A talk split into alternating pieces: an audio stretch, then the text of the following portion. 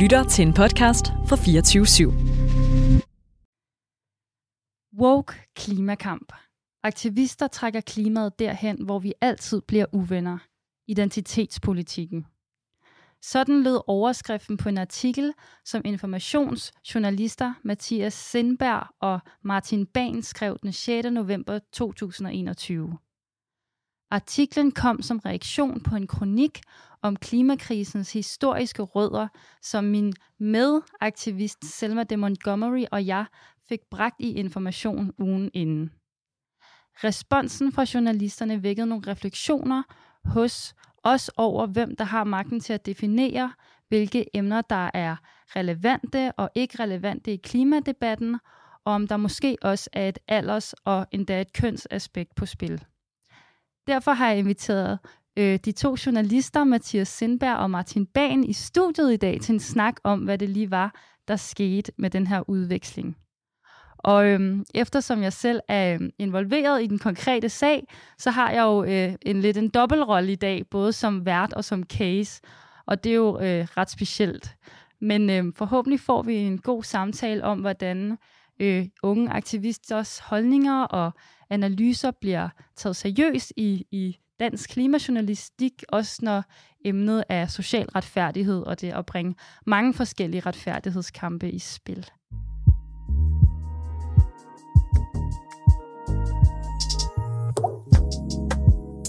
Unge har alt for lidt indflydelse i dagens samfund, i hvert fald hvis du spørger mig. Mit navn er Esther Keldahl, og jeg er sammen med Ungdomsbyrået på en mission. Missionen er at sikre unge mere magt. For jeg ønsker forandring, og det kræver magt. Derfor vil jeg undersøge begrebet ud fra forskellige vinkler. I den her program ser vi at tale med mennesker, der ved noget om emnet, mennesker, der har magt, og mennesker, der har været udsat for magt. Alt sammen for at finde ud af, hvordan vi unge kan få mere magt i samfundet. Ja, og øh, jeg har jo øh, sammen med Selma øh, rigtig meget været været sådan, kan man sige, øhm, har fået den, det, det billede i medierne som på, på, på den unge klimaaktivist. Det har både Selma fra sin sit perspektiv, men også fra mit perspektiv. Og vi jo flere gange har vi prøvet at, at simpelthen blive kaldt Danmarks Greta Thunberg, som er en meget øh, irriterende titel, fordi at øh, det jo er lidt underligt, at der åbenbart kun er ligesom én ung kvindelig klimaaktivist, folk ligesom kan øh, genkende, og så alle andre unge kli- kvindelige klimaaktivister, der siger noget, de så åbenbart også øh, Greta Thunberg, at vi ikke har kunne få lov at ligesom have vores individualitet øh, i, altså for os selv.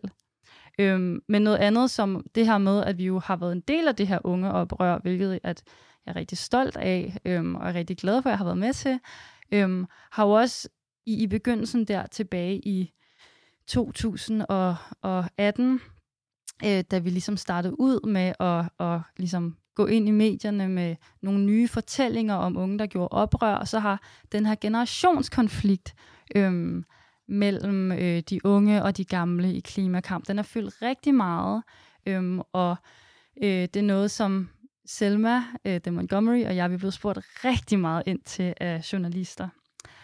Og øh, i virkeligheden så skulle Selma faktisk have været med i dag i programmet, men hun er desværre blevet syg.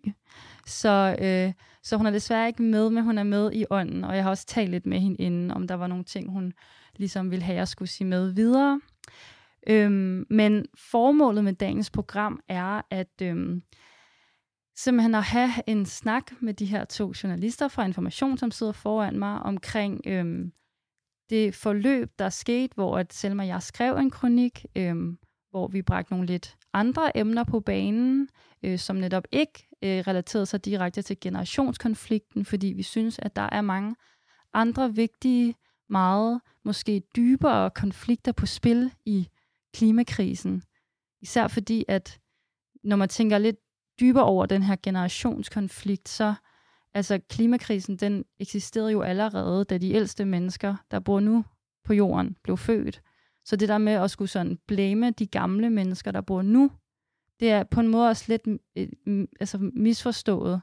Så det er også der er sådan, det er meget ukonstruktivt hele tiden at køre rundt i den her generationskonflikt. Også fordi vi jo faktisk samarbejder med mange gamle mennesker, der er totalt aktive i klimakampen. Øhm, faktisk er nogle af de allermest sådan, trofaste mennesker, der stiller op i regn og slud til vores øh, demonstrationer. Øhm, så på en eller anden måde er det også lidt unfair, det hele tiden er de gamle, der skal shames. Så vi vil gerne ligesom, øhm, ja, prøve at snakke om de andre uretfærdigheder, der også er til stede i, i klimakrisen. Men så oplevede vi jo det her øh, ja, modsvar, eller man kan sige den her reaktion fra de her to journalister, øhm, som vi kommer til at gå meget mere ned i om lidt, øhm, men hvor vi faktisk blev lidt handlingslammet øh, i forhold til, om vi skulle sådan reagere på det, eller om vi ikke skulle reagere på det. Og så jeg fik faktisk lidt en klump i maven, da jeg læste artiklen. Øhm, og øh, det har været lidt svært for os lige at vide, hvad, sådan, hvad vi lige skulle gøre ved det. Øhm, så, øh, men så fik jeg jo så simpelthen den idé her i sidste uge, at vi kan jo egentlig bare invitere journalisterne ind og tale om det, i stedet for at man skal gå og sådan bygge alle mulige tanker op i hovedet og øh, i, øh, for sig selv.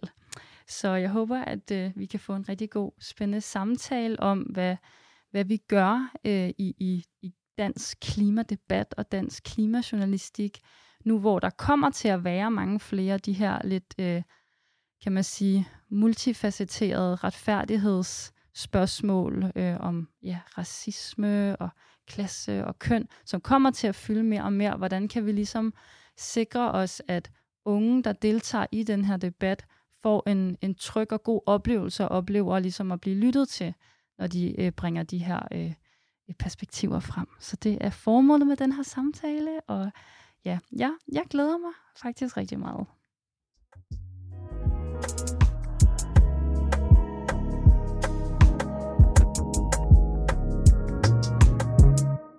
Ja, og øh, jeg har jo nævnt det flere gange, men I er jo med i studiet, Mathias Sindberg og Martin Bagen, og vil I egentlig øh, præsentere jer selv øh, kort, øh, Mathias? Jeg tænker, du kan starte.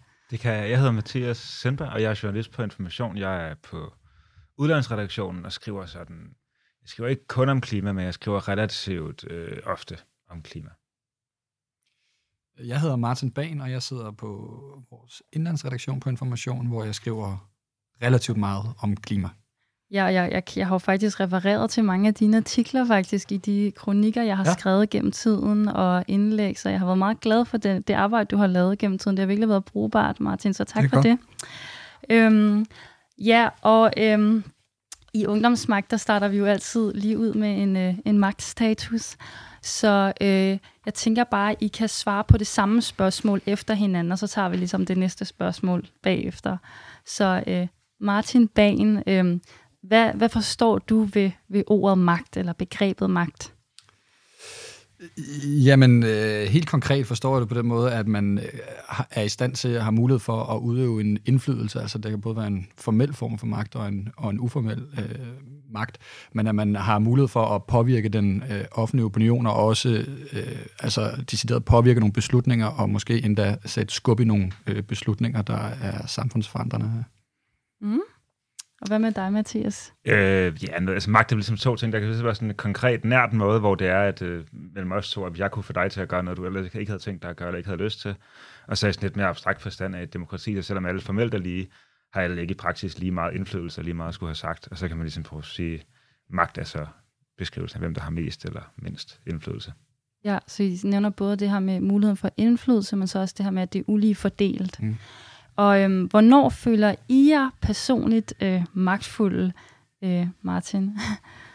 Ja, øh, jeg tror øh, mest, at øh, jeg kan føle mig magtfuld i forbindelse med mit øh, arbejde som journalist. Og det er jo klart, at, at, at hvis man sidder og skriver om nogle historier, der særligt går kritisk til nogen, så kan, så kan man jo godt mærke, at man har en form for øh, magt over den situation, at man bringer noget frem i lyset, som, som nogen måske øh, helst ikke vil have bragt frem i lyset eksempelvis. Ikke? At hvis man skriver kritisk om en minister, der har gjort et eller andet, eller øh, måske ikke gjort et eller andet, ved, øh, nogle gange oftere sagen, når det kommer til øh, klimajournalistik. Ikke?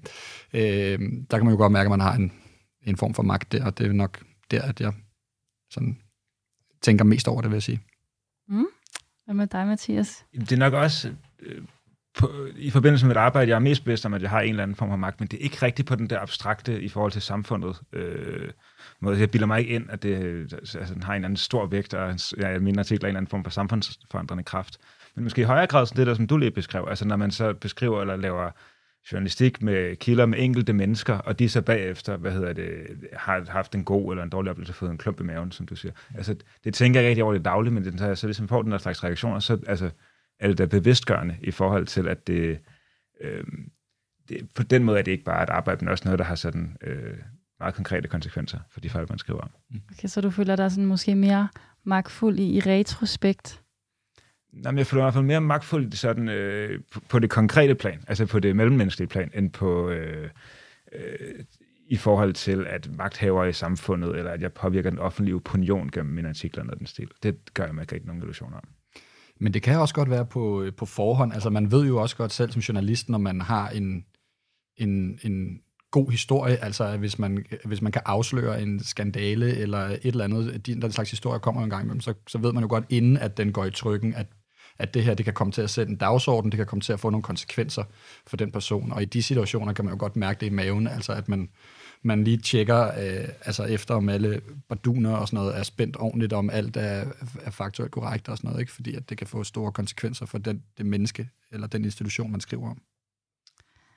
Ja, det er, jo, det er jo interessant netop det her med, om man kan fornemme så den indflydelse, man så reelt har, for det er jo også noget, vi som klimaaktivister får tit at vide, det er så vigtigt, det I gør, I skal virkelig ikke betvivle vigtigheden af det, men vi presser ligesom for strukturelle forandringer, det er mega uklart at vide, om man rykker noget som helst overhovedet, fordi det er så abstrakt og diffus det hele, så det er, det er en mærkelig størrelse.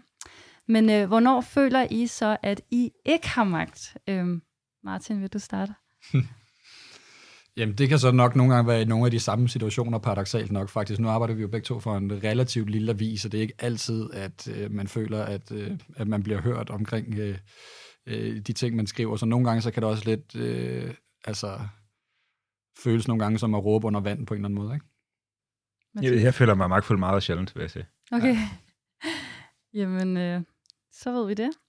Øhm, ja, nu, øh, nu, nu synes jeg ikke, lytterne kan vente længere på at lige få en opsummering på, hvad der egentlig skete, og øh, ja, hvad, hvad Selmas og min kronik handlede om. Så lad os øh, høre en lille, en lille fakta-boks. Tilbage i august måned kontakter Informationsdebatredaktion Esther og Selma. Avisen spørger, om de har lyst til at skrive en kronik om generationskonflikten i klimakampen. Esther og Selma siger ja, men på den betingelse, at artiklen skal komme omkring meget mere end blot generationskonflikten. Klimakrisens rødder er kolonialisme, ulighed og racisme, ikke generationssvigt. Sådan lyder overskriften på Esther og Selmas artikel, der bliver udgivet den 29. oktober i Information. Generationskonflikten er et vigtigt element i klimakampen, siger Esther og Selma. Klimakampen er de unges kamp, og den ældre generation svigter. Men der er også andre konflikter på spil. Racismens rolle for eksempel. Når vestlige regeringer ikke hjælper de befolkningsgrupper, der lige nu betaler den højeste pris for klimakrisens konsekvenser. En uge senere udgiver Mathias Sindberg og Martin Barn, der er journalister på Information, artiklen Aktivister trækker klimaet derhen, hvor vi altid bliver uvenner. Identitetspolitikken. I artiklen argumenterer de to journalister for, at Esther og Selmas kronik risikerer at ødelægge folkets opbakning til den grønne sag. Ja, og øhm, kan, I, kan I sætte nogle flere ord på, hvad jeres, øh, ja, hvad jeres artikel handlede om, og hvad jeres argument var, hvis I kan huske det? Øh, altså jeg ved ikke, altså også for forhold til, men jeg ved ikke, om vi som sådan havde et argument. Men altså jeg kan sige, jeg tror processen op til var sådan, at øh, vi læste jeres kronik, og vi konstaterede, at den blev læst meget, og den blev delt begejstret på de sociale medier osv. Øh, øh, og så, hvad hedder det, som vi tit, hvad skal man vælge, skrive artikler på baggrund af, så øh, er det ligesom, I havde fået lov til, som det jo er formen i en kronik, og sådan bare at sige, det her det er vores perspektiv, det mener vi. Og så tænkte vi, at det var interessant at gå kritisk til det, altså at ringe til nogle andre kilder, øh, og spørge, hvad de tænkte om det. Og hvor vi så også havde vinklet på, at I gør, øh, I ligesom, som de overskriften er, så I trækker klimadebatten ind i det her identitetspolitiske rum. Øh, det var ikke noget, kun I gør. Altså jeg havde, jeg tror også, Martin havde ligesom fulgt med i den amerikanske debat, hvor det er øh, sådan langt mere allestedsnærværende med de her perspektiver. Altså der er det også, det fremgår også af artiklen, altså der er det også de store grønne organisationer som Greenpeace og NOAA og øh, Sierra Club og sådan noget, der sådan meget eksplicit støtter øh, Black Lives Matter og fører kampagne for Defund the Police, og den her slags ting, som den slags politiske emner, som umiddelbart er stærkt polariserende. Øhm, og så synes vi, det var interessant på baggrund af jeres artikel at skrive en artikel om, øh, hvad er det, som sker, når man tager hvad skal man sige, den måske allermest almenmenneskelige sag, der overhovedet er, altså planetens overvendelse, overlevelse. Altså noget, en, et spørgsmål, der på mange måder, altså, eller helt sådan fundamentalt ikke har interessemodsætninger, fordi at i sidste ende, i den aller yderste ende, så har alle ligesom interesse i, at øh, vi ikke lever i et eller andet øh, klima, klimaarmageddon. Øhm, så så tager en bevægelse, hvor man trækker de her slags relativt polariserende spørgsmål ind i en sag, som er både så den bør være, og i Danmark faktisk også i praksis er øh, relativt samlende. Og så tænkte vi og så at spørge nogle andre, hvad hedder det, grønne stemmer om det. I artiklen, der, der spørger vi Connie Hedegaard og Troels Dam Christensen, en øh, mangeårig klimaaktivist, og Ida Augen. Augen. Ida Augen. Mads og, Flave fra Greenpeace. Det er rigtigt, ja. Så vi spørger ligesom nogle andre, der så... Øh, øh, nogle af dem er meget positivt stemt over for, relativt positivt stemt over for jeres kronik, og nogle er mere skeptiske, særligt Connie Hedegaard er ret skeptisk. Ja, og i forhold til det her med, at I spørger nogle andre mennesker, der er blandt andet en, øh, et citat fra jeres øh, øh, artikel, hvor I skriver, blandt mere rutinerede kræfter i den grønne studenter, nej, i, i den grønne bevægelse, får de identitetspolitiske overtoner en lidt blandet modtagelse. Og øhm, der kunne jeg godt tænke mig hvad, at høre, hvad I mener med den her sætning øh, omkring mere rutinerede kræfter. Er det fordi, I ikke sådan vurderer, at selvom jeg er, er, er rutineret, sådan særlig rutinerede kræfter i den, grønne eller i den grønne bevægelse, eller den grønne aktivistiske kamp, eller hvad man kalder det? Nej, sådan tror jeg ikke, at vi egentlig øh, opfattede det. Altså, jeg tror egentlig, at det var sådan en ret nøgtern konstatering af, at, at eksempelvis uh, Connie Hedegaard og, uh, og Troels Dam Christensen simpelthen, uh, altså, har været uh, aktivister længere kvæg deres højere alder. Altså, det er jo sådan meget naturligt på en eller anden måde, så der var ikke rigtig noget sådan værdiladet i det, at, at I dermed skulle være urutinerede øh, kræfter i, øh, i, i klimabevægelsen. Altså, Men det er en ret sådan nøgtern ja. konstatering af, at for eksempel Troels Dam har været i den grønne bevægelse siden før I blev født, siden før ja. jeg blev født selv ja. jo et. Altså derfor er han jo mere rutineret. Det er jo sådan en nøgtern konstatering. Ja. Så synes jeg, så man kan sige, det er jo ikke nok, du kan sige, at der ligger at man, der ligger en vis autoritet i tillægsordet retrotineret. Altså nu tager nogen med en særlig vægt, fordi de er rutinerede ja, kræfter. Det, det betyder ikke kun tid, lang tid. Mm. Det betyder også noget mere i rutineret end det. Jamen, det er at så skulle være, at der er en eller anden form for autoritet forbundet med det. Men der synes jeg, man kan sige, at omvendt, altså lige præcis i klimadebatten, er der jo også en enormt autoritet forbundet med at være ung. Altså nu nævnte du selv Greta Thunberg før. Altså der, er jo, der bliver de unge stemme også tillagt en særlig vægt. Man taler i den her debat med en særlig autoritet, når man er ung. Dels fordi, at du ved, det er de unge, der skal arve verden, den frem, den planet, de skal leve i, og få, få børn, sætte børn i verden i, og så videre. Og også fordi, at de unge taler jo fra et sted, hvor de er uden skyld. Altså, de har ikke kvæg deres alder, bidraget særlig meget til, til det problem, vi står i. Så det er rigtigt, at sådan som det er formuleret, så bliver der også lagt op til, at der er en vis autoritet i at være en rutineret kraft af en grøn bevægelse. Men i den her debat, der er der også en enorm autoritet i at være i at være ung. Altså det er også den, da I fik, øh, blev spurgt, om vi ville skrive en kronik ugen inden, så var det en serie, der hed sådan noget... Øh, Generation Oprør. Ja, Generation, mm. ja, sådan noget der, ikke? Altså hvor det, ligesom, hvor det så også var i altså sådan, helt grundpræmissen ikke? Altså, nu er det ikke kun jer, det var alle mulige unge, der blev spurgt. Ikke? Altså, hvor det var, præmissen var, i kraft af jeres øh, alder, er det interessant at høre, hvad I siger. Der ligger en autoritet i, at I, kan, I øh, øh ser verden med nye øjne og så videre. Ikke? Og det gælder jo særligt det grønne, på det grønne område. Mm. Ja, men jeg tror, det som vi reagerer på, når vi ser for eksempel sådan en sætning, er, at vi netop, at vores ungdom, vores alder, bliver ligesom det, som bliver vores position.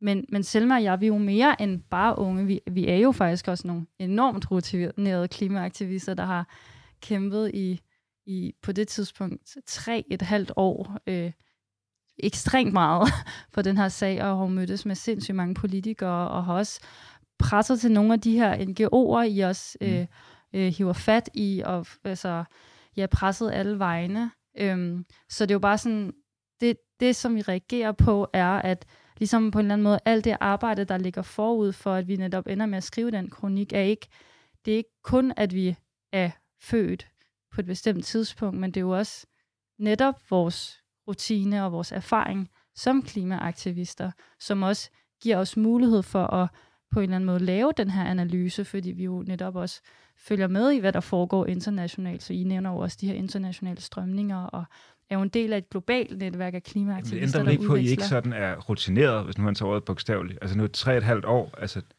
det er ikke, så ligesom jeg er jo heller ikke en erfaren journalist. Altså nu er jeg 31 år gammel, jeg er ikke en erfaren journalist. Det er jo ikke noget at gøre med, om jeg er en god journalist, eller en dårlig journalist, eller jeg har arbejdet mere eller mindre grundigt end med ældre kollegaer, eller så videre. Men det er jo, altså tre og et halvt år er vel nøgteren set, øhm, i forhold til de andre, vi nævner, øh, 30 eller 35 år, jo kort tid.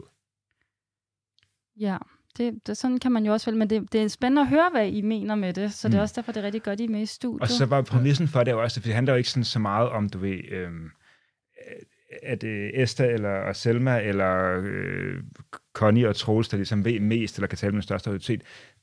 Det med at spørge til er jo også, at det er også en, øh, en artikel, der handler om en tendens, hvor det er så interessant at høre, hvad nogen, der har været i den her grønne bevægelse i årtier, tænker om den her relativt, i hvert fald i Danmark, relativt nye bølge af at øh, tænke mere intersektionelt om klima, altså tænke på, øh, hvad skal man sige, på, på tværs af forskellige rettighedskampe.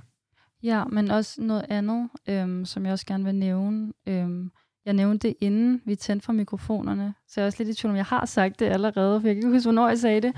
Men det her med, at øh, jeg blev øh, provokeret over, at, at i skulle øh, ringe til nogle ældre mennesker, eller voksne mennesker, eller etablerede mennesker, eller hvad man kalder dem, for øh, at de, deres bud på, hvordan man skaber folkelig opbakning til klimakampen, det ligesom skulle vægte højere, øh, fordi de er lidt mere rutineret end min og Selmas forståelse for, hvad der skaber folkelig opbakning til klimakampen. For det kan være, at det er nogle andre folk, vi vil appellere til, end dem som sådan en som Connie Hedegaard, som jo er meget hun er jo en person, der bliver brugt rigtig meget i, hun er jo, kan man sige, lidt sådan stjernen, kan man sige, inden for, inden for paneldebatter, og nu var jeg til Folkemøde Middelfart her i september måned, hvor hun, man kunne mærke, der var rigtig meget boss omkring hende. Men Connie Hedegaard er nok heller ikke sådan en, der udfordrer status quo super meget, udover at tale meget om klima. Så det kan jo netop være, at vores analyse er, at vi skal appellere og ligesom øh, ja, sådan række en hånd ud til en masse andre aktivistiske grupperinger, og så kan vi jo få måske en meget større, kan man sige, folkelig bevægelse, for, hvor vi får skabt nogle alliancer, mm. frem for at det altid er det der det sædvanlige, den folkelige opbakning, at det er et meget særligt folk, et folk, der uh, ikke kan klare at høre om racisme, og uh, som synes, det bliver lige lovligt feministisk, og sådan. Måske er det bare ikke det folk, vi vurderer, vi skal appellere til, hvis vi ligesom skal videre i, i, i den her debat. Men den diskussion er jo øh, altså mega vigtig, altså virkelig, og det er jo også derfor, at vi skriver den her artikel, som jo netop har sådan øh, altså diskuterende karakter. Altså, og man kan jo sige, nu nævner du, at Connie Hedegaard måske ikke er en, der udfordrer særlig meget. Det tror jeg kommer an på, hvor man ser hen i samfundet, fordi at hun har immer væk også øh, taget sine kampe rundt omkring, ikke? så det kommer jo an på øjnene, der ser. Men ja, nu, det nu, anerkender jeg ja, også 100 procent, ja, at hun har. Og nu, nu arbejder vi jo på, på en øh, avis, som er en selverklæret øh, klimaaktivistisk avis. Ikke? Og når vi gør det, så er det jo også, altså, så har vi en særlig opgave for også at være med til at diskutere klimabevægelsens øh, kampe og dens øh, strategi. Ligesom vi skal gå kritisk til alle mulige andre, så skal vi selvfølgelig også gøre det til, øh, til klimaaktivismen og til klimabevægelsen, og for hvordan den udøver sin, øh, sin indflydelse. Og jeg har jo skrevet øh, enormt meget om, hvordan klimabevægelsen ligesom udarter sig, og hele den mobilisering, der har været omkring det. Jeg tror, at faktisk vi på information var nogle af de allerførste til at tage de unge alvorligt, da engang Greta Thunberg satte sig foran parlamentet i det svenske valg der i sommeren, øh, sensommeren øh, 2018. Ikke? Så, så, så den diskussion er der jo egentlig bare om, omkring det. Vi har jo så også altså faktisk øh, skrevet øh, det, du kunne kalde det nøjagtigt modsatte af, af, af den artikel, vi, vi taler om nu her, hvor at, hvor at øh, den grønne studenterbevægelse og omstilling omstillingen nu og, og klimabevægelsen ligesom altså kritiseret de gamle for at være blevet for, for pragmatiske og, og nølende på nogle måder, ikke at ligesom turde tur, øh, altså komme med den kritik, som var berettet, altså eksempelvis, øh, et konkret eksempel med, at man, man fejrede øh, Nordsøaftalen, ikke? Altså til trods for, at man vil tillade øh, olie- og gasboringer de næste 30 år. Ja, ikke? det, Altså, det er jo også fuldstændig absurd. Jamen, jeg mener, og, og den kritik blev jo øh, øh, bragt frem, og det er jo, øh, altså, det, er jo, det skal jo ses i perspektivet af en større dækning, hvor vi løbende øh, dækker øh, klimabevægelsen, forstået som som både de unge aktivister og øh, altså bedsteforældrenes øh, klimaorganisation og Greenpeace og øh, hvad der ellers øh, kunne være forskellige øh, organisationer, ikke? altså under 92-gruppen og sådan noget. Så, så det, er jo en, det er jo en løbende dækning, hvor vi øh, hele tiden tager det fra forskellige perspektiver. Og det, der var ambitionen med det her, var egentlig bare at sige, her er et øh, budskab, som er udtryk, den øh, kronik, som du og Selma har skrevet her, er et budskab, som er udtryk for en tendens, vi har set. Lad os kaste den op, øh, og så se, hvordan øh, de øh, andre reagerer på den. Øh, og, og jeg synes faktisk, at det er er helt legitimt at have den debat, fordi at det er helt ekstremt vigtigt, at øh, klimaet bliver ved med at have en mobiliserende øh, faktor. Og det er ligesom det, øh, vi, øh, vi går kritisk til hele tiden, fordi det er helt enormt vigtigt, at vi kan se, hvad der sker under corona, når klimaet forsvinder fra dagsordenen, så går der lige pludselig meget, meget lang tid, før der rent faktisk øh, sker noget. Ikke? Øh, og, og de er jo altså meget nuanceret omkring det, de øh, personer, vi taler med til, til artiklen. Altså, øh, det er jo sådan noget, det er jo ikke fordi, at, at de kommer med sådan en skarp kritik og siger, nej, nej, nej, det skal de unge stoppe med med det samme. Det, der. Det, det er jo mere sådan, vi vil måske have valgt nogle andre ord, men vi øh, hilser virkelig velkommen og hylder, at, øh, at de unge ligesom peger et skridt dybere Øh, for det er jo det, I gør. I går et skridt dybere end bare øh, altså at, at kritisere dansk industri for at, ikke at ville øh, støtte op om en CO2-afgift eller sådan noget. Øh, altså, det er godt, at de, de unge peger på, øh, på en dyberliggende øh, strukturel øh, årsag til, til klimakrisen, øh, og så kan man diskutere ordvalget og så videre, øh, men, men grundlæggende hilser vi det velkommen og sådan noget. Ikke? Så, så jeg synes faktisk, øh, at det er en altså, legitim og virkelig, virkelig sund debat for klimabevægelsen som helhed.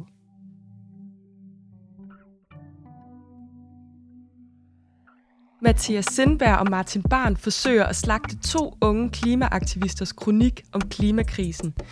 De bruger et populært greb. Al kritik af magtstrukturer kan kaldes identitetspolitik, og voilà, så behøver ingen tage dem alvorligt. Sådan skriver Maria Temponera, der er folketingskandidat for enhedslisten, i et læserbrev kort tid efter. Maria Temponera bakker også Esther og Selmas kronik op ved at skrive – det er på baggrund af omfattende filosofiske og historiske analyser, at kolonialisme, kvindeundertrykkelse og naturødelæggelse ses som koblet. Man kan være uenig i analysen, men at affærdige kronikken som identitetspolitik må skyldes en bevidst manipulation eller uvidenhed.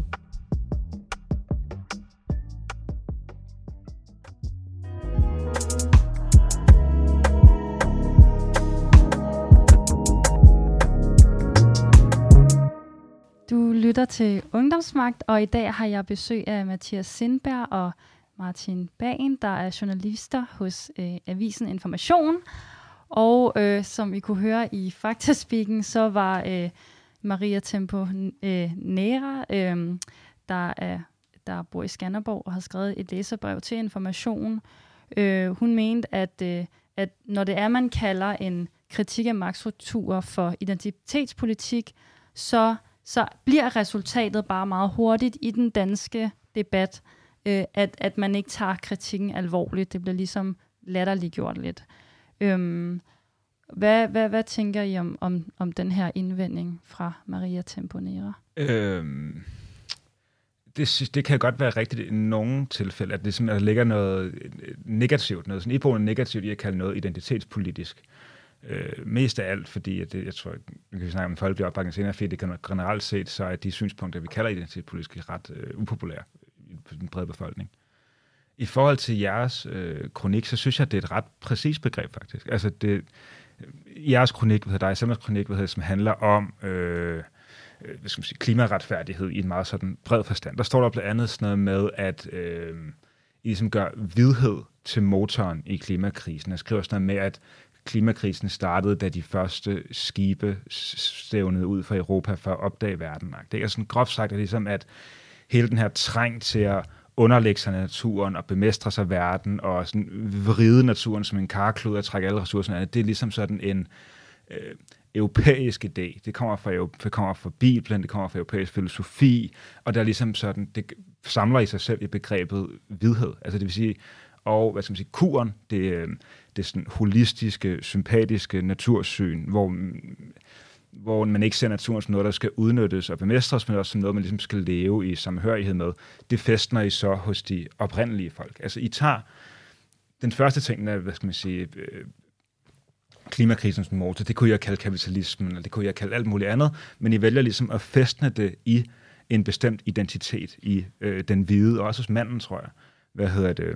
Og det modsatte, altså som siger, kuren, øh, vælger I også at festne i en bestemt identitet, altså hos de oprindeligt. For så det er jo sådan, altså det mener jeg ikke som sådan nødvendigvis en, øh, som noget, der er godt eller dårligt, men jeg synes, det er ret præcist i det her tilfælde at sige, det er jo identitetspolitik, når I øh, i så høj grad beskriver en eller anden form for mekanisme, beskriver en eller anden form for udvikling, og så festner det i en bestemt identitet, i det her tilfælde den hvide mand. Ikke? Men, men er det en bestemt identitet, vi festner det hos? Fordi at, som jeg, øh, som jeg forstod vores kronik, da vi blandt andet skrev den her, øh, den her, det her lille afsnit om, at, at, øh, at nogle, altså råderne til klimakrisen virkelig tog fat, eller hvor, det kommer også an på, hvornår man mener, at klimakrisen startede.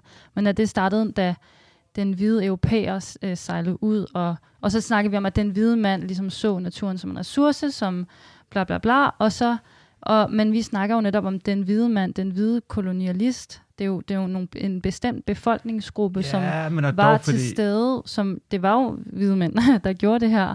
Og i forhold til det her med de oprindelige folk, det er jo ikke sådan identiteten, den oprindelige identitet. Vi kommer øh, med en, en statistik om, at oprindelige, de folk, oprindelige befolkninger, der lever nu på planeten, der udgør 5% af, af jordens befolkning, de beskytter 80% af den tilbageværende biodiversitet, som er en meget sådan udbredt og velkendt statistik. Øhm, så det er jo egentlig det, vi tager udgangspunkt i. Så vi snakker ikke om... Altså, jeg, det er sjovt, fordi jeg forstår også ikke, at vores argument var sådan forbundet til nogle særlige identiteter, men mere nogle befolkningsgrupper. I, ja. ja. ja men altså, for, det synes jeg ikke er helt rigtigt, det der med... Altså, det, du siger blandt andet i den artikel, altså i Martin Samins opfølgende artikel, hvor, som jo slutter med, at du får lov til at svare på øh, kritikken. Ja, det var altså, jeg også glad for, at jeg fik lov til. Jamen, det er, jo, det er jo bare helt sådan, selvfølgelig skulle det. Men der siger du blandt andet, at det er et problem, et strukturelt problem i vores samfund, at der sidder så mange hvide mænd i toppen.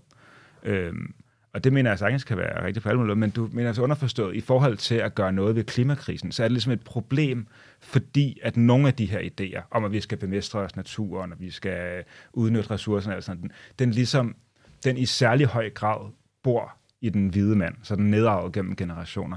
Og så gør man jo, altså så tager man jo sådan det substantielle, altså øh, problemet, at vi underlægger os naturen, og vi driver bedriver på naturen, og så fester man det hos en bestemt identitet, som jo her er den hvide mand. Det kommer ikke rigtig udenom af en identitetsmarkør. Men er I uenige i den analyse? Eller er det bare fordi, er det fordi, vi bruger det her hvid mand, at, at I, det bonger ud identitetspolitik, og I tænker, åh oh, nej, farligt? Nej, jeg er også uenig i den. Okay. Det er jo også interessant. Og det gør, at vi kan jo netop blive øh, komme videre til det næste øh, emne, som er formen på jeres indlæg. fordi at øh, vi undrer os lidt over øh, formen på jeres artikel, som jo netop bliver fremlagt, som om det ligesom er en artikel, ligesom alle andre.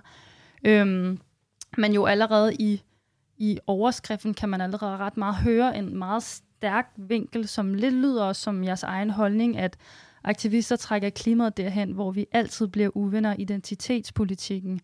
Øhm, det, så vidt jeg husker, er det ikke nogle af jeres, dem i, i ligesom interviewer, der siger, at man altid bliver uvenner over den her identitetspolitik. Øhm, men, øh, men så bliver vores, øh, ja, så står der, at der også den her under temaoverskrift woke klimakamp, og det ved jeg ikke, om I har haft noget at gøre med, eller om det er dem, der har sat artiklen op. Det har vi ikke haft noget at gøre. Men jeg tror, at overskriften er en parafrasering af noget, Connie Hedegaard siger. Altså hun er meget tæt på at sige, det der er overskriften, og så har vi gjort den lidt kortere, eller ja, catchy. Ja, eller de taler om det som en, som en splittende arena i identitetspolitikken. Ikke? Altså det er noget, der, der typisk uh, splitter os, og så er det jo også bare en altså, konstatering af at se uh, den offentlige debat, at identitetspolitik er jo et enormt uh, polariserende emne, ikke? i modsætning til klimaet, som Mathias var inde på før, der i sin natur er samlende, i hvert fald i Danmark. Ja, det ved jeg så heller ikke, om jeg er så enig i. Altså, når man går, går lidt dybere, der kan godt være, at der er mange folk, der siger, at de går meget op i klimaet, og de synes, det er vigtigt med naturen og miljøet. Men når man så går ned og snakker om, hvad vi skal gøre ved klimakrisen, så er det jo allerede, så, så får man allerede ret mange, der bliver uvenner. Men det jeg egentlig bare lige vil spørge jer om, var, er, synes I, at den kvalificerer sig som sådan en objektiv artikel, eller er det måske lidt mere sådan et, lidt mere i, i retning af et debatindlæg, det I har lavet? Hvor I så bruger de her mennesker lidt som talerør for jeres egen holdning? Nej, igen, jeg synes, det er en, jeg synes, det er en færre øh, artikel. Altså, jeg, nu ved jeg ikke helt, hvad jeg synes om begrebet øh, objektiv, øh, altså journalistik. Som ja, sådan, jeg lavede også, øh, hvad hedder det, gåseøjne. men altså, lad os kalde det altså, øh, en, en færre balance på en eller anden måde. Ikke? Øhm, og, og der synes jeg jo ligesom, at, at jeres øh, altså pointer bliver refereret øh, lødigt, øh, og der bliver så... Øh, Altså, og så spørger vi så nogle forskellige øh, personer, hvordan de læste jeres kronik, og de får lov til at komme til ord, og så går vi tilbage til dig og Selma, og så får du øh, masser af plads til at komme til ord på den. Det synes jeg er egentlig helt forbundet. Så er jeg med på, at så har den sådan lidt diskuterende øh, karakter, hvor vi bruger sådan lidt fortællende greb i det også. Øh, og, og, øh, altså øh, sådan noget som rutineret eksempelvis og sådan noget, ikke? Og, og det er jo klart, det har også et formidlingsaspekt i sig, men sådan hvad der står tilbage, synes jeg egentlig er, er fair og øh, velbalanceret. Ja. Jeg synes jeg også så meget sådan det med, hvad Dagbladet Informations rolle er i offentligheden og i klimadebatten. Altså nu, siger, nu skrev jeg, læste jeg op for det der debattenlæg, der skrev, at vi slagtede de to unge klimaaktivister. Altså det synes jeg egentlig ikke, vi gør. Jeg synes tværtimod, at vi tager alvorligt. Altså Informations rolle i klimadebatten, også med de læsere, vi har, som overvejende er klimabevidste og grønne og venstreorienterede osv., at det er jo ikke vores rolle, at hver gang Pernille Værmund eller Asger Aumund eller sådan noget siger et eller andet klimabenægteragtigt, hvis vi skal kaste os over dem med, øh, frøden over dem med kritiske spørgsmål, fordi alle vores læsere anerkender grundlæggende klimakrisen. Der skal vi ligesom overbevise nogen om, at der er et reelt problem. Og det er jo virkelig også en generelt i klima, det, klimajournalistik som sådan, at det handler jo ikke bare om at dokumentere det, for det er ligesom det, vi langt, langt, langt hensides. Det har ligesom været dokumenteret og veldokumenteret i årtier. Det handler ikke bare om det. Nu handler det ligesom også om andre ting. Altså, hvordan, øh, øh, hvordan man mobiliserer flest mulige mennesker, hvad kunne det også have konsekvenser, eller hvordan hænger det sammen med øh, kønsulighed, eller racisme, eller kolonialisme. Og så er vores rolle er jo ikke, den er jo snarere at, øh, at facilitere diskussioner om det på venstrefløjen eller på den grønne fløj. Altså, der er jo også noget kvalificerende ved kritik. Det bliver man nødt til at tro på, når man øh, arbejder som journalist. Som journalist. Altså, at når vi så tager jeres kritik og bringer den hen til nogle andre i den grønne bevægelse, og så bringer det tilbage til dig igen. Altså i den proces, som, det er jo bare, altså det er jo journalistik, og det er forhåbentlig, øh, i den bedste af alle verdener i hvert fald, så er det jo så kvalificerende eller skærpende for øh, dig og Selmas øh, argumenter. Mm. Ja, men jeg, jeg tror, at den sådan, ja, i den ideelle verden, hvis det skulle foregå efter mit hoved, så kunne det have været rigtig fedt, hvis i en opfølgende artikel, at de måske gik lidt mere ind i vores argumenter, af vores argumentation, og øh, ja, de, de, måske de, de kilder, vi har, og de ja, sådan pointer, vi, vi laver, og måske kunne interviewe nogle andre fra venstrefløjen. Altså, I har jo selvfølgelig spurgt, om de er enige, men det, det, præmissen var helt sådan, åh, åh, åh, åh, altså sådan, jeg læste. Nu bliver det identitetspolitik. Ej, det er farligt. Kulturkrig i USA. Øh, nu, nu skal vi høre nogle af de mere rutinerede. Hvad siger de til, at de her små to, øh, to piger, de går i gang og hæver det her emne op. Det var sådan lidt den vibe, jeg, jeg mødte, i stedet for at I egentlig gik ind og sådan, ja, tog vores argumenter meget sådan alvorligt og, og virkelig undersøgt, øh, jeg ja, tror bare, jeg synes, sagde, det netop... og indgik I ligesom en, en dialog omkring, omkring det, vi rent faktisk sagde. Jeg synes netop faktisk, det er den del af, af Martins artikel, øh, der diskuterer det, altså substansen i jeres argument, der er tættest på at forlade den objektive journalistik, for der er det ikke kilder, der, der skriver det. Der har vi ligesom sådan et, hvor vi siger, at man kan snakke om, at der er to forskellige former for klimaretfærdighed. Den helt sådan rene, at øh, i Vesten har vi udledt en masse, de har næsten ikke udledt noget i det globale syd, og, derfor, og nu siger vi endda, at de ikke må øh, skabe udvikling på samme måde, som vi har gjort, og derfor bør der være en overførsel af midler fra øh, nord til syd. Ikke? Ligesom den sådan helt rene, uden nogen identitetsmarkører i øvrigt. Og så er der den anden, der ligesom er dybere, der handler om de her med sådan lange udviklingslinjer, og hvordan at øh, nogle for særlige vestlige øh, måder at se verden på gennem århundreder ligesom har øh, trukket spor, trukket øh, og hvad hedder det, øh, op, været brændstoffet i klimakrisen. Øh, og jeg tror, at det er beskrivelsen af det, hvor jeg vil sige, at vi er tættest på at komme i konflikt ved det objektiv. Der tror jeg, der er en beskrivelse af sådan noget, en lidt karikerende beskrivelse af argument med noget med Pocahontas, der lever i, øh, der danser med dyrene. Ja, og, så det skriver I noget om, om det. Ja. Ja. ja, præcis. Ja. Og det vil sige, altså det, vil sige, det, det er netop i, øh, i den del af artiklen, der engagerer sig i substansen af et argument, hvor vi er tættest på at forlade det rent objektivt. Men noget, jeg faktisk bemærkede lige præcis ved den del af det, at at i forhold til, når jeg kommer det her med Pocahontas, sådan, man, man begynder at tænke på, man, man, man får billeder ind i hovedet af det og det og det, så tænker jeg sådan, hvem er denne mand? Altså det bliver fremlagt som om, det er ligesom, det vil alle næsten, der læser vores kronik, få de her billeder. Men så tænker jeg, var det måske i virkeligheden jer, der sådan tænkte, uh, fik Pocahontas spiller, så bliver det skjult lidt som et mand, og så kan de ligesom blive fremlagt med lidt større autoritet. Forstår I, hvad jeg mener? Yeah. Ja, ja, det forstår jeg godt. Ja. Og det er klart, at det var det, var det også, jeg forsøgte at sige, at det, at det er klart, at der er noget i det formidlingsmæssige i nogle af de der, altså hvor vi også begynder at blive analytiske, og hvor at vores egen sådan, stemme ligesom træder i kraft mm. øh, i teksten. Det, det, det er klart. Ja. Ja, og det er det jo også, at jeg skulle skrive sådan en debatartikel ja. på en måde, så er man jo som journalist er man jo ikke sådan en fuldstændig... Så skal man være fair og være tilstræbt objektiv på den måde, at man øh, ikke er urimelig og ikke forfølger en eller anden særlig agenda, man har inden, når man skriver artiklen. Men man er jo ligesom også fortæller, altså man har jo ansvaret for at facilitere debatten for læserne, altså for at gøre det forståeligt og trække linjerne op og sige, det er det her, vi diskuterer nu, og gøre det tilgængeligt og forståeligt for læserne. Og så er der jo også et rent sådan stilistisk hensyn, som jeg tror, at det er der, hvor jeg vil pakke øh, øh, der jeg vil pakke Pocahontas-passagen hen. Altså sådan et rent, at det skal også være øh, læsværdigt. Altså det skal også være en god læseoplevelse for øh, læseren. Hvor der så nogle gange kan være det her det er så en lettere karikerende gengivelse af jeres position, som også Meget er... Meget karikerende, må jeg sige. Det bliver jo lidt lavet om til en Disney-film, altså man lige vil lidt forestille sig, at det er en Disney-film, så vi ikke rigtig har sat os ind i, i sagerne. Vi forestiller os ligesom oprindelige folk er som Pocahontas. Det er, det er, jo, lidt, det er jo lidt nedladende, det må jeg indrømme.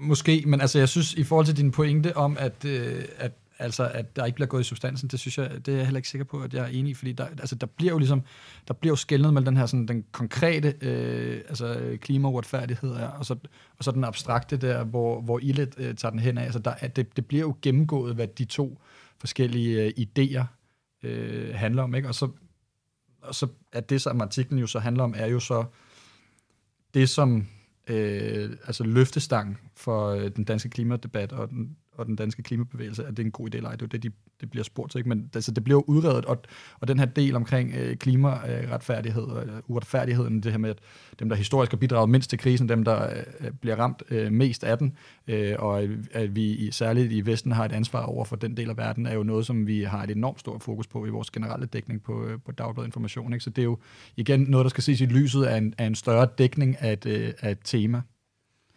Men, men vi lige så synes, det var problematisk og så nævne, at der også er noget racisme i, i lige præcis den skævvridning, og hvor lidt, at man for eksempel tager det alvor, eller sådan rigtig tager den lidelse alvorligt, som rigtig mange mennesker er i lige nu fra de vestlige lande. Vil I aldrig nogensinde tage det ord i jeres mund på information, og, og kalde det for, for, hvad der også er til stede, som er racisme i klimakrisen? Vil det så sige, uh, det er identitetspolitik, det er farligt? Nej, overhovedet ikke. Okay. Spændende.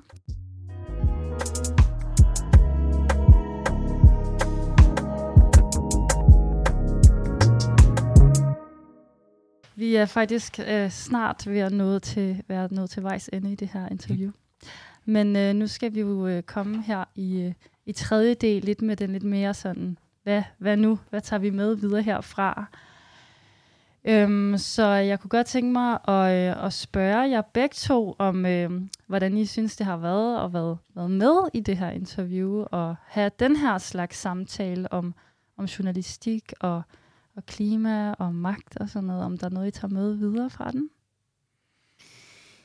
Jeg synes, det har været interessant. Altså, øh, jeg var lidt øh, nervøs for, om vi sådan var castet som sådan nogle øh, altså, gamle reaktionære typer, der sidder på, øh, på fløden øh, inde på avisen og, og, øh, og holder, øh, holder de øh, de unge klimaaktivister ude af, af den offentlige debat og sådan noget. Ikke? Så, så jeg synes, det har været en positiv oplevelse og en, og en god øh, snak omkring øh, nogle af de der kriterier. Øh, og som jeg også tror, vi har sagt, altså, jeg forstår godt, hvor du kommer fra i forhold til det, hvor der er Selma kommer fra i forhold til jeres oplevelse af det, men jeg synes, øh, igen, at det, at det er, altså, at substansen af den kritik, der kommer tilbage, er, er lødig, og, og det er nuanceret, og jeg synes egentlig bare, som Mathias også nævnte, at det er med til ligesom at skærpe altså, øh, debatten omkring det der, at gøre det mere kvalificeret, at vi får det frem og tilbage. Øh, og det vil vi jo selvfølgelig bestræbe os på at blive ved med. Ja. Hvad med dig, Mathias? Jeg synes, det har været glimrende. Altså, jeg synes, jeg, jeg synes, at det er... Altså, synes jeg grundlæggende, ligesom, at når man så, du ved, øh, øh, mener noget, eller skriver noget i offentligt, som har konsekvenser for andre, så bør man også nødt til at stille op for at forsvare det. Aktivt. Ja, ja, ja, det som jeg øh, tænke på, altså det som jeg har tænkt lidt på også i løbet af den her udsendelse, har været, at øh, ja, altså det er, jo, det er jo vigtigt, at vi har en debat, og vi engagerer os i det, hinanden siger. Det er jo også en måde at, at vise hinanden, at vi tager det, hinanden siger alvorligt. Mm. Så det er, jo, det er jo rigtig godt, at der kommer debat om de ting, vi taler om, fordi det ville jo også have været ærgerligt, hvis det, vi var kommet frem med, blev ignoreret, og bare blev sådan, den bare mm, hang mm, i luften. Præcis. Men der er også et element af øh, magt, øh, for meget u- ulige, kan man sige, magtpositioner, vi taler ud fra, når vi er i den debat, når selvom jeg skriver den her kronik og er ja, aktivister og skriver om, vi ved også godt, det er et sprængfarligt emne. Det er jo ikke, fordi vi tænker, at den her bliver nem. vi, vi har virkelig brugt lang tid på at skrive den her kronik, for vi vidste også godt, vi, vi, vi vidste ikke helt, vi vidste godt, at det her potentielt godt kunne være lidt sprængfarligt. Men, men når det så er, at det ligesom bliver debatteret på den måde, det blev lige den her konkrete sag, så føler vi os lidt sat på plads på en eller anden måde. Sådan, hey, drop det. I skal ikke, øh, nu skal I ikke øh, stikke næsen for langt frem. Men der er selvfølgelig også det element igen, at det er vigtigt, at vi, det bliver debatteret, det vi siger. Men det er jo bare så vigtigt, at den debat, der kommer og de reaktioner, der kommer på, når unge stiller sig frem og tager fat i nogle af de her retfærdighedsproblematikker, at, at de oplever det som et, et, en tryg oplevelse, hvor at de aviser, der så modtager henvendelser og reagerer på de her henvendelser, ligesom virkelig sørger for, at unge føler, det har jeg lyst til at gøre en anden gang også. Mm. Men føler du ikke, du har lyst til det? At skrive et indlæg igen? Jo, ja, jeg ved sgu ikke engang, om jeg har lyst til at skrive et indlæg om de her emner. Jeg, jeg blev sådan lidt, uha, ej, det var lidt skuffende, at information tog, altså jeg havde alligevel regnet lidt mere, lidt mere sådan engagement på en lidt mere konstruktiv måde fra information, end det, der kom fra jer. Så jeg blev lidt chokeret faktisk over den respons. Men efter den her samtale, så har jeg alligevel også mere lyst til at snakke om Ja, det ved jeg ikke engang rigtigt. det, det jeg, jeg har lidt svært ved at sige det faktisk på nuværende tidspunkt, men altså, det er også vigtigt, at vi taler om, hvilke strategier, der er de rigtige at anvende i klimakampen, fordi vi er jo alle sammen allierede det her. Vi vil jo gerne have, at så mange som muligt interesserer sig for det her sindssygt vigtige emne. Ja, ja. Og det kan jo både være i forhold til klimakrisen som sådan, men jo også i forhold til klimaretfærdighed. Er der jo også, altså hvad skal man sige, forskellige veje, man kan gå for at forfølge den ambition. Ja. Men generelt er det ked af at høre, at du havde en, altså havde en klump i maven, og jeg havde en dårlig oplevelse med ja. det. Og du har da også ret i, at når øh, unge mennesker øh, mener noget offentligt, så skal de heller ikke ligesom bare smadres ned bagefter. Og det var heller ikke, altså, det var heller ikke hensigten med det. Og ja, det er måske også det måske et problem med i forhold til det, så var det måske også, at I kom til, I og jeres øh, kronik kom til at fylde relativt meget. Altså det var også sådan noget, også at øh, øh, både jeg og også Martin, tror jeg, som havde fulgt den her tendens relativt længe. Altså det var i den her... Øh, øh, det intersektionelle indtog i klimadebatten, særligt i, i Amerika og Storbritannien. Og ligesom tænkt, at det skulle vi lave noget om på et tidspunkt. Det skal vi lave noget om på et tidspunkt, og så kom der så med jeres kronik en anledning. Så kom der en gave ind af postkassen. Præcis, så kom der en, så kom der en krog, som vi kalder det, hvad hedder det inde på avisen. Ikke? Men så kom der et, øh, altså et, et, en, et godt debatindlæg, en god kronik, som vi ligesom kunne argumentere, altså som vi kunne bringe videre ikke? Øh, på en eller anden måde. Så på den måde var det jo også en, altså er det jo en god kronik, I har skrevet der, som vi også kunne bruge øh, i en, at bygge en debat videre på, ikke? men som det jo også er skitseret i artiklen, så er det jo en, en del af en tendens, hvor der ligesom bliver opridset flere eksempler på, hvordan mm. øh, Greenpeace har, øh, har ageret i USA, ikke? og Sierra Club og så videre øh, rundt omkring. Ikke? Ja. altså det er ligesom, og nu, det er jo altid det, der svært balance, også fordi, at i ud fra et andet rimelighedsbetragtning, så skal du have mulighed for at svare på det, og få så relativt god plads til at svare i bunden af artiklen. Ikke? Så det kommer i meget høj grad til at handle om jeres øh, specifikke kronik, ja. øh, selvom det i virkeligheden handlede om en tendens, der var der er langt bredere end jer, og som jo også var knyttet i nogle, øh, til nogle, som Martin også nævnte, altså nogle større institutioner osv., mm. som man jo meget gerne må gå meget kritisk til, særligt hvis man er et øh, klimaaktivistisk medie osv. Så, ikke? så det der aktivister, nu nævnte rubrikken der, som er sådan noget med, aktivister trækker klimaet derhen, hvor vi altid bliver uvenner i identitetspolitikken. Det aktivister er jo ikke, øh, altså Esther og Selma alene, det er jo sådan aktivismen bredt set, ikke? rundt omkring tendenser i forskellige lande og sådan noget. Ja. Det var måske ikke helt klart for os, da vi læste den. Jamen, det kan Men, jeg faktisk godt forstå. Altså, ja. det er at I har læst den sådan. Det tror jeg altså, altså det ville man skulle se, sådan noget, vi skulle have gjort anderledes efterfølgende. Jamen, det var nemlig det, jeg ville spørge her til aller, aller sidst, om hvis I fik sådan en, kom, kom i en lignende situation, hvor der kom en, en lignende kronik ind af, af brevsprækken, øhm, ville I, tror I så, I ville sådan have håndteret det lidt anderledes nu oven på den her samtale, eller ville I have, have gjort sådan det samme? Ja, man kunne godt have rykket det lidt længere væk fra jer, og for eksempel så have ringet til Jamen, så for, for eksempel en eller anden fra amerikansk Greenpeace, eller en, øh, hvad hedder det, øh, hvad ved jeg, en eller anden øh, angelsaksisk akademiker, eller øh, hvad hedder det, klimaforsker, klimaaktivist, der, hvad skal man sige, havde nogle af de her positioner, og så bedt øh, ham hende om også at forsvare dem, ikke? eller svare på den kritik, som blev rejst til Connie Hedegaard osv., for at fjerne det en lille bit smule øh, fra jer. Fedt. Jamen, øh, det bliver det sidste ord for nu, så tak fordi I var med i programmet i dag. Det var en stor fornøjelse, og jeg er rigtig glad for, at I stillede op. Skulle det og, være en gang? Ja, ja, tak fordi vi måtte komme.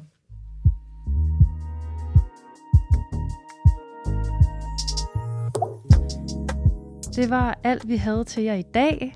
Ungdomsmagt er tilbage igen i næste uge, samme dag, samme tidspunkt. Vi sender alle tirsdage fra 10 til 11 om aftenen, og så kan du selvfølgelig også finde vores afsnit som podcast.